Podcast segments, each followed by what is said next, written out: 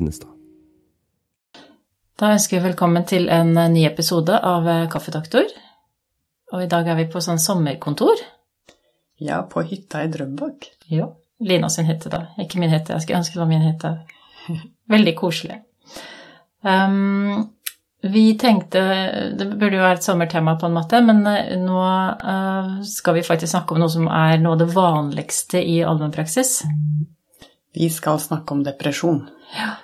Og det er jo ikke et lystig tema, men ikke desto mindre et viktig tema. Og kanskje Jeg innbiller meg at sommeren faktisk kan være litt vanskelig når man kanskje har en depressiv lidelse eller føler seg nede. Hva er det Beatles synger igjen? Um, because the sky is blue, it makes me cry. Ja, for eksempel. Det gir jo mening, fordi alle snakker mye om feriene sine, og de skal bort og ha det gøy og hyggelig, og hvis du da på en måte er i en tilstand som er litt motsatt av det alle andre viser til, så kan man vel kanskje føle seg enda mer ensom. Mm. Ja, det har jeg vært borti flere ganger i, med mine pasienter, at det er mange som syns sommeren er en tøff tid. Mm. Det er ikke så rart. Og vi tenkte egentlig at vi skulle gjøre, uh, forfølge det depresjonstemaet litt senere også. Uh, så denne episoden her handler egentlig bare om uh, symptomer på depresjon, og det tenker vi jo er litt fornuftig at mange mennesker vet noe om, sånn at de har en mulighet for å gjenkjenne det hos de de har rundt seg. Og så tar vi og lager en episode til med behandling. Og det er som du innledet med, et veldig vanlig problem. Jeg leste at det er den vanligste årsaken til uførhet i Norge. Mm. Jeg tror faktisk også det er den vanligste diagnosen i allmennpraksis. Ja, det forundrer meg ikke. Og eh, utgiftene bare til behandling av depresjon så jeg at eh, beløper seg til 1,5 milliard kroner årlig. Ja. Og hvis man da tenker på at det også er den vanligste årsaken til uførhet, og hva det koster samfunnet, så er det jo et ganske stort problem. Hadde man funnet den fantastiske medisinen som eh, dekka dette, så hadde man gjort det store. Og det er ikke Prozac. Nei, og vi, det skal vi spare til neste episode. Ja, for det er jo en veldig billig og fin eh, løsning. Ja, vi har en hunch på at vi har kommet på noe kjempesmart etter å ha lest en artikkel. Nei, men dette er også erfaring. Dette er også erfaring, ja, det er riktig. Du har, du har faktisk erfaring med det samme. Men skal vi gå til det som er um, Det som vi, snakket om med hva er symptomene på depresjon, uh, så er det uh, Vi kan jo se på diagnosemanualen, uh, for den er jo på en måte veiledende til hvordan vi diagnostiserer depresjon til vanlig. Og jeg vet at mange som nå henvises til DPS særlig, syns de får enormt mange spørsmål. Uh, de, man overøses rett og slett med spørsmål og spørreskjemaer. Og jeg tror noe av grunnen til det er jo at uh, diagnosemanualen vår uh, er jo egentlig bygget opp sånn at innenfor psykiatri at man spør deg en hel masse spørsmål om hva slags symptomer du har hatt i løpet av det siste Egentlig livstid, men man er særlig opptatt av de siste 14 dagene uh, når det gjelder depresjon. Og det kan være nyttig. Jeg har eh, særlig erfaring med når jeg kartlegger depresjon hos menn, for det er ganske eh, Jeg syns det er vanligere at eh, damer kommer og sier at de er deprimerte, og så kan vi gå mer i dybden på, på symptomene etter det. Mens menn kan gjerne komme med et litt sånn annet symptombilde, og kanskje noe somatisk, eller i hvert fall noe annet enn det, det man tenker er depresjon innledningsvis. Og når man begynner å kartlegge deres symptomer, så er det egentlig et klassisk depresjon. Mm. Og det er de ikke alltid klar over selv heller. Ja, det er noe med Vi har jo snakket om det litt før, så det å ha et språk for det man føler, da.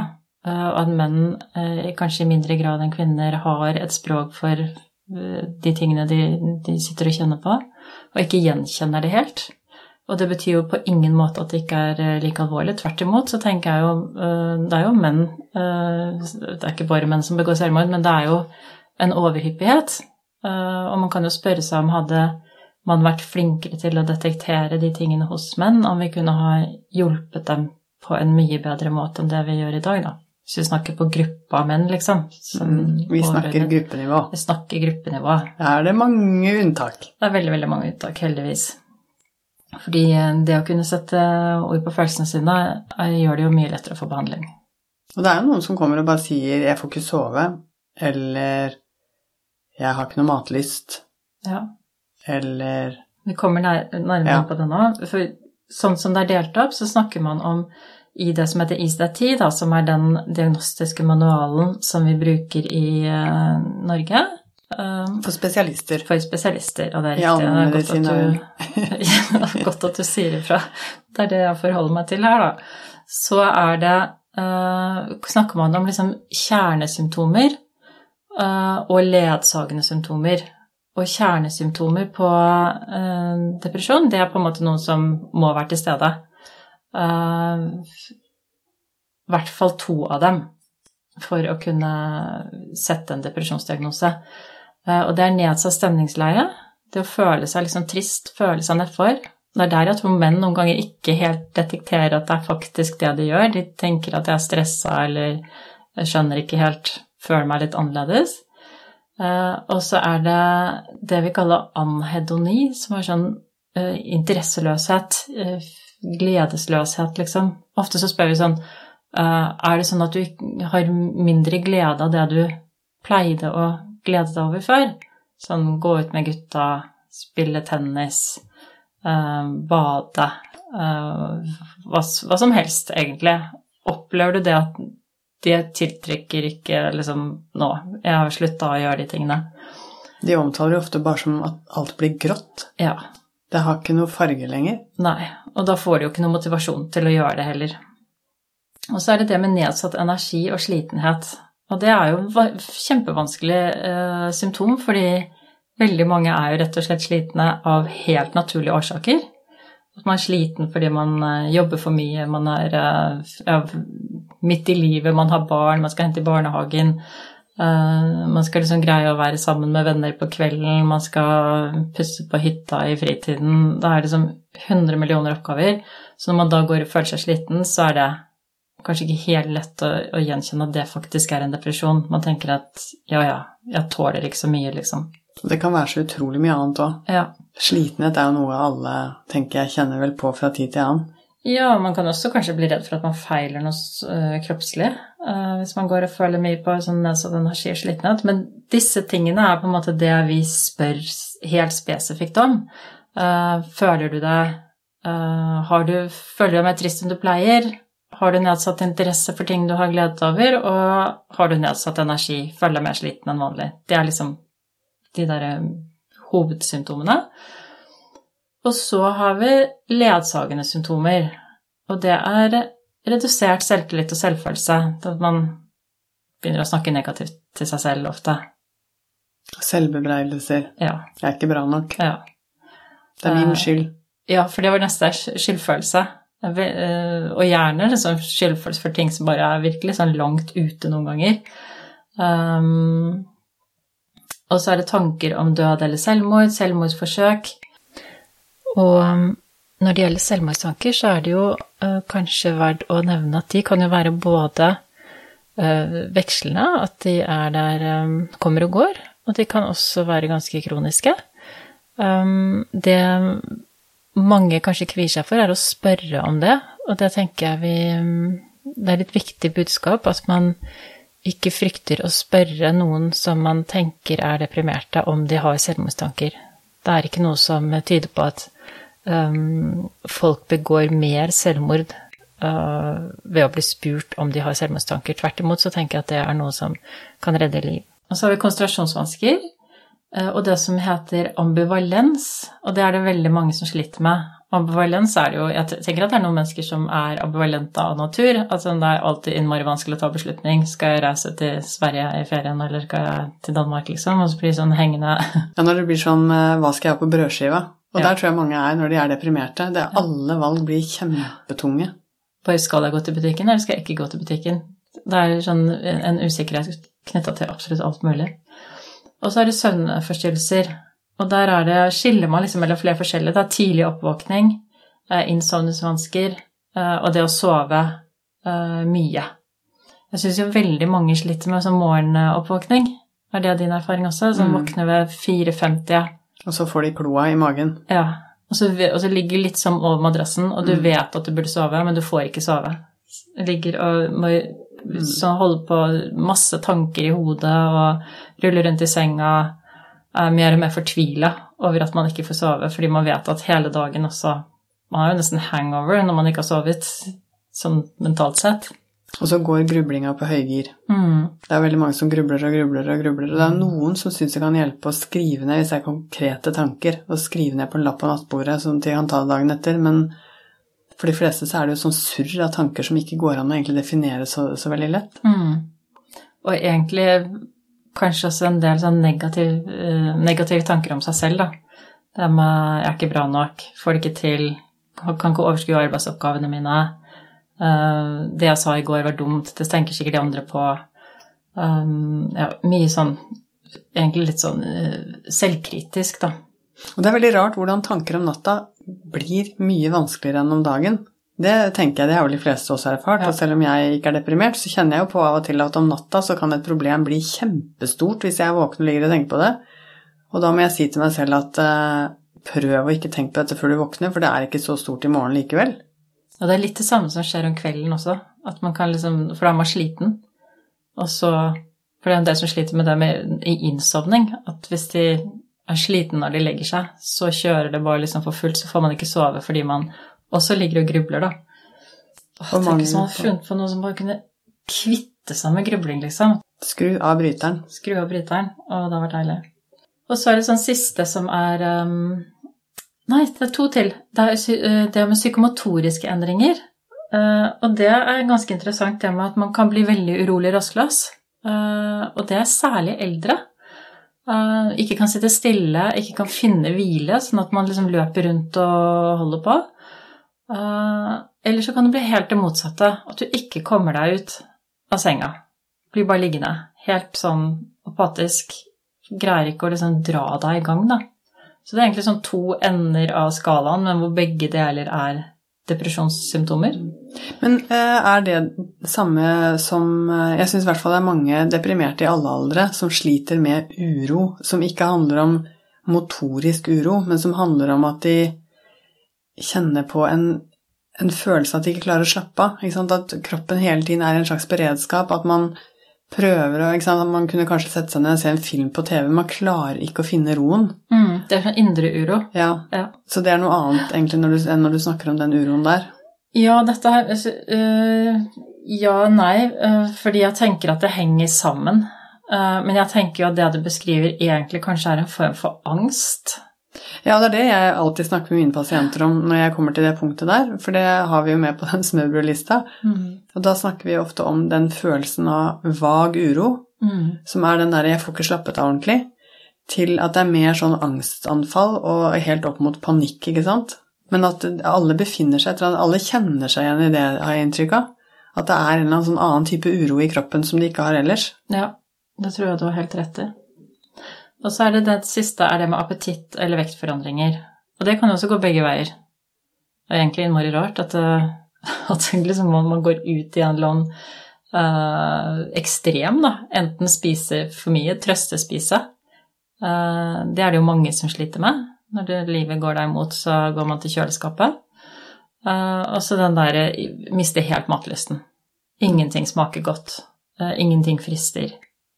Nei, det er jo mange som går ned mye i vekt og må tvinge i seg mat for å Det har jeg inntrykk av er et ganske vanlig symptom, egentlig.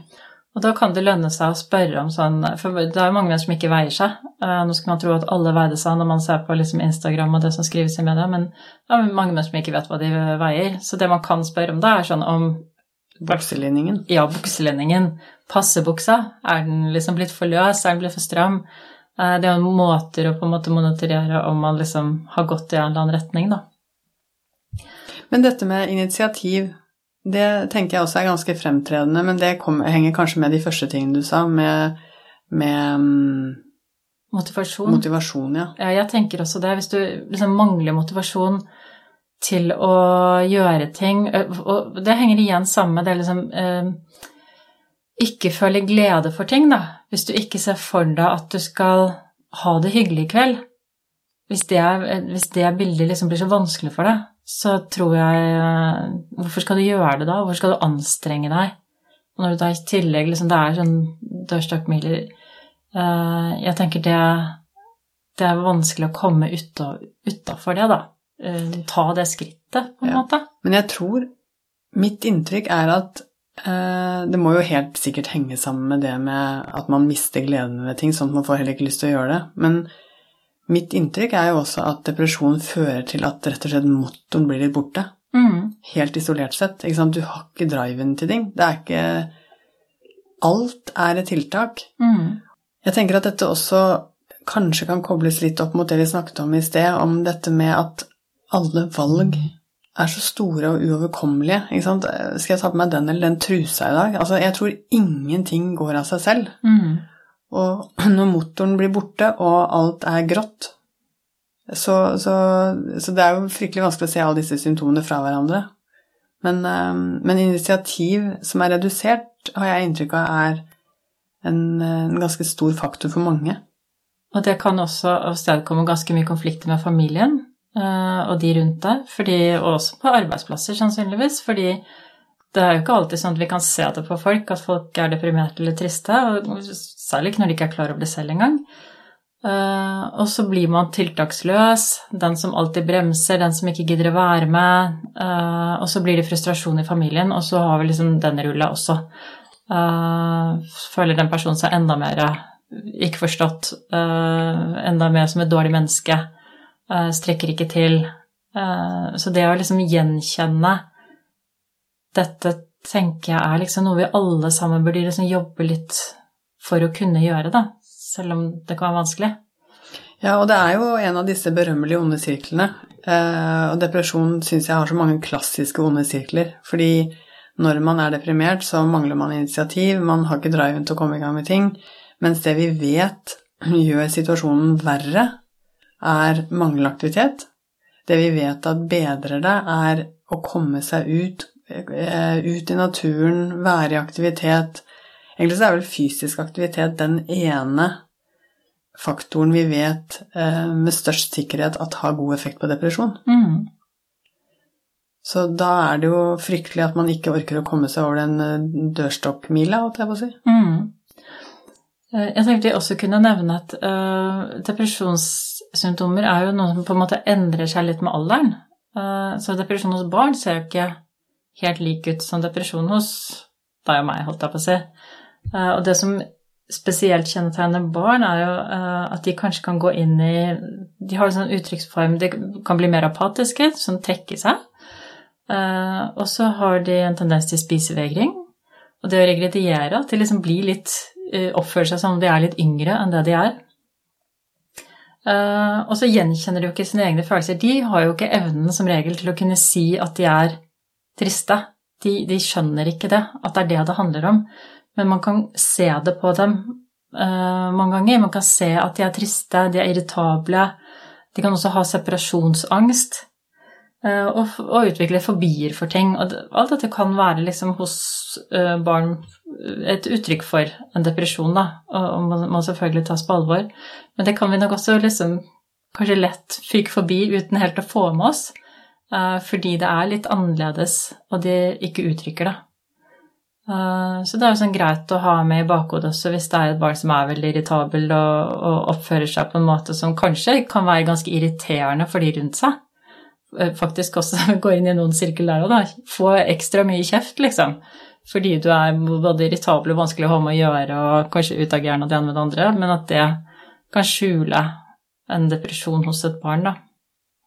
Ja, som du sier, dette med mm, spiseforstyrrelse, det er jo kanskje det jeg har sett mest av i allmennpraksis når det gjelder barn, av psykiske plager. Hvor du, når du kartlegger det, så ser du at det liksom henger sammen med uh, andre ting?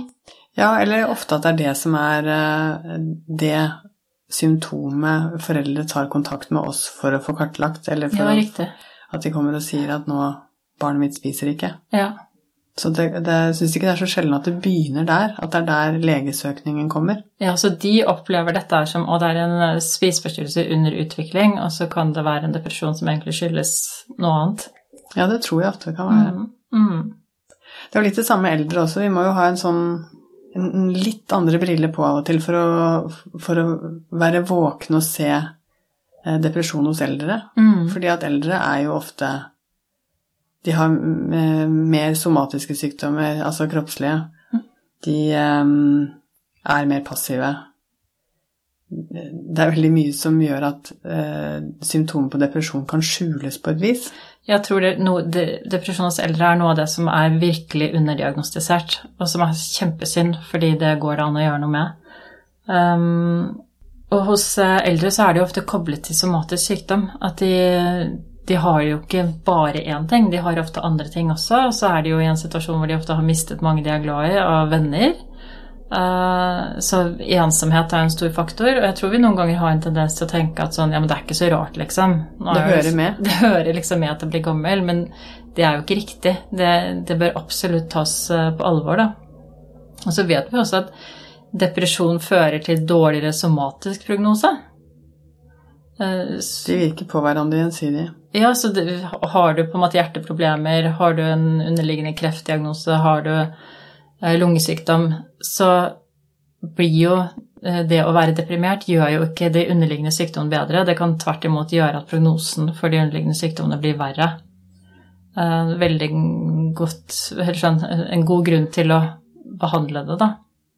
Ja, jeg tror man skal være veldig oppmerksom på det. Og jeg eh, tenker en annen grunn som jeg tenker må være ganske stor, er eh, mangel på fysisk nærhet.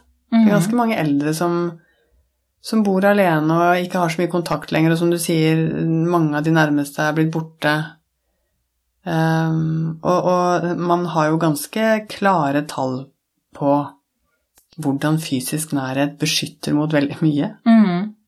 Og det viser det vel også på depresjon hos eldre, det å ha et nettverk rundt seg. Det å ha aktiviteter, det å være sammen med andre mennesker, eh, gjør jo at du er mindre utsatt for å bli deprimert. Eh, og det kan vi jo, hvis vi tenker oss om, holdt jeg på å si, som samfunn også legger til rette, til, til rette for, mener nå jeg, da. Eh, Jeg syns også det er verdt å nevne i den forbindelse eh, at du kan faktisk bli, og det gjelder alle, det er veldig sjelden hos barn, men voksne og eldre, det å bli eh, psykotisk deprimert, som vi kanskje ikke snakker så mye om, men vi har jo lest i avisen når det er sånn helt forferdelig tragiske utfall av depresjon, hvor en far eller mor tar livet av barna sine, f.eks., så er det jo en, som regel en psykotisk depresjon. Ja, sånn som eh, fru Goebbels, som eh, endte med å ta livet av alle sine seks barn og seg selv Ja. Eh, i 1945, 1945. Eh, eh, ved krigens slutt.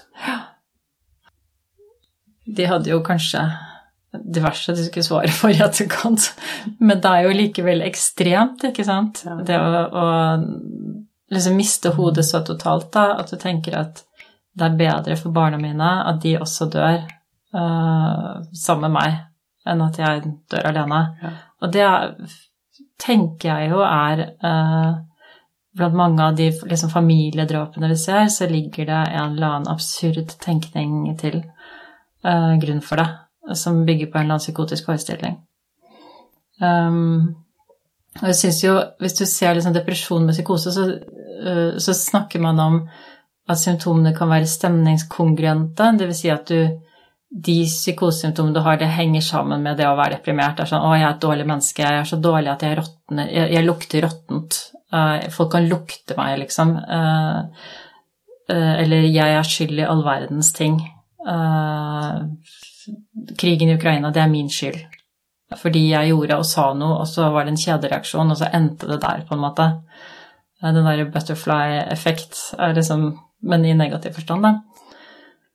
Eh, og så har du det som er sånn stemningsinkongruent, dvs. Si at du liksom tror på et eller annet som ikke har med depresjon å gjøre i det hele tatt. Men jeg syns uh, Og det kan være at eh, du blir svindlet, at naboen er forferdelig, eller um, Som ikke har med at du er et dårlig menneske å gjøre, men de har bare laget seg en forestilling. Og jeg syns faktisk, når det gjelder gamle eller eldre, så den der med naboen som følger med på deg eller gjør noe, eller det kan være et familiemedlem som du plutselig tror svindler deg, Eh, eller du kan ikke stole på datteren din lenger fordi hun driver og finner på alt mulig merkelig.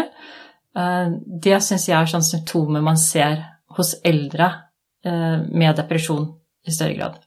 Mm, og det er jo typisk, et typisk eksempel på noe som er selvforsterkende, da. For det er Ja. klart at hvis de begynner å beskylde barna sine, og så blir de sinte for det, og så har man det virkelig gående med Ja, fordi man føler seg bare utrolig misforstått som sønn eller datter. Og blir liksom beskyldt for et eller annet som er helt hen i været. At man skal liksom svindle sine egne foreldre.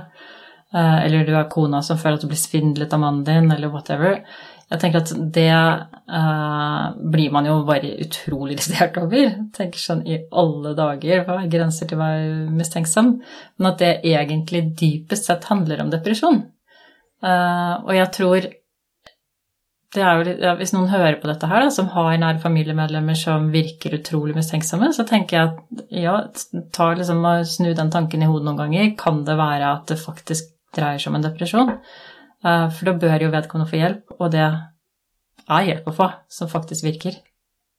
Ja, det er, det er godt å vite. Det er vel egentlig mm, Det er det vi skal spare til neste episode, er det ikke det? Det er det vi sparer til neste episode. Da og da kommer den uh, gulroten i Nei, ikke gulroten i pølsa. Nei, det Det er veldig rart. Ja. pølsa. Rosin i pølsa. Ja. Den får vi i neste episode. Ja. Det er noe jeg, nei, noe jeg har lyst til å snakke om. Men datteren min bytter noen ganger opp på, Lina, datteren min. Dere er i samme boksen. Ja, det er bra. Ja. Det tar jeg som et uh, hederstegn. Ja. Og da sier vi bare Livet er ikke det verste man har. Og om litt er pulverkaffen klar.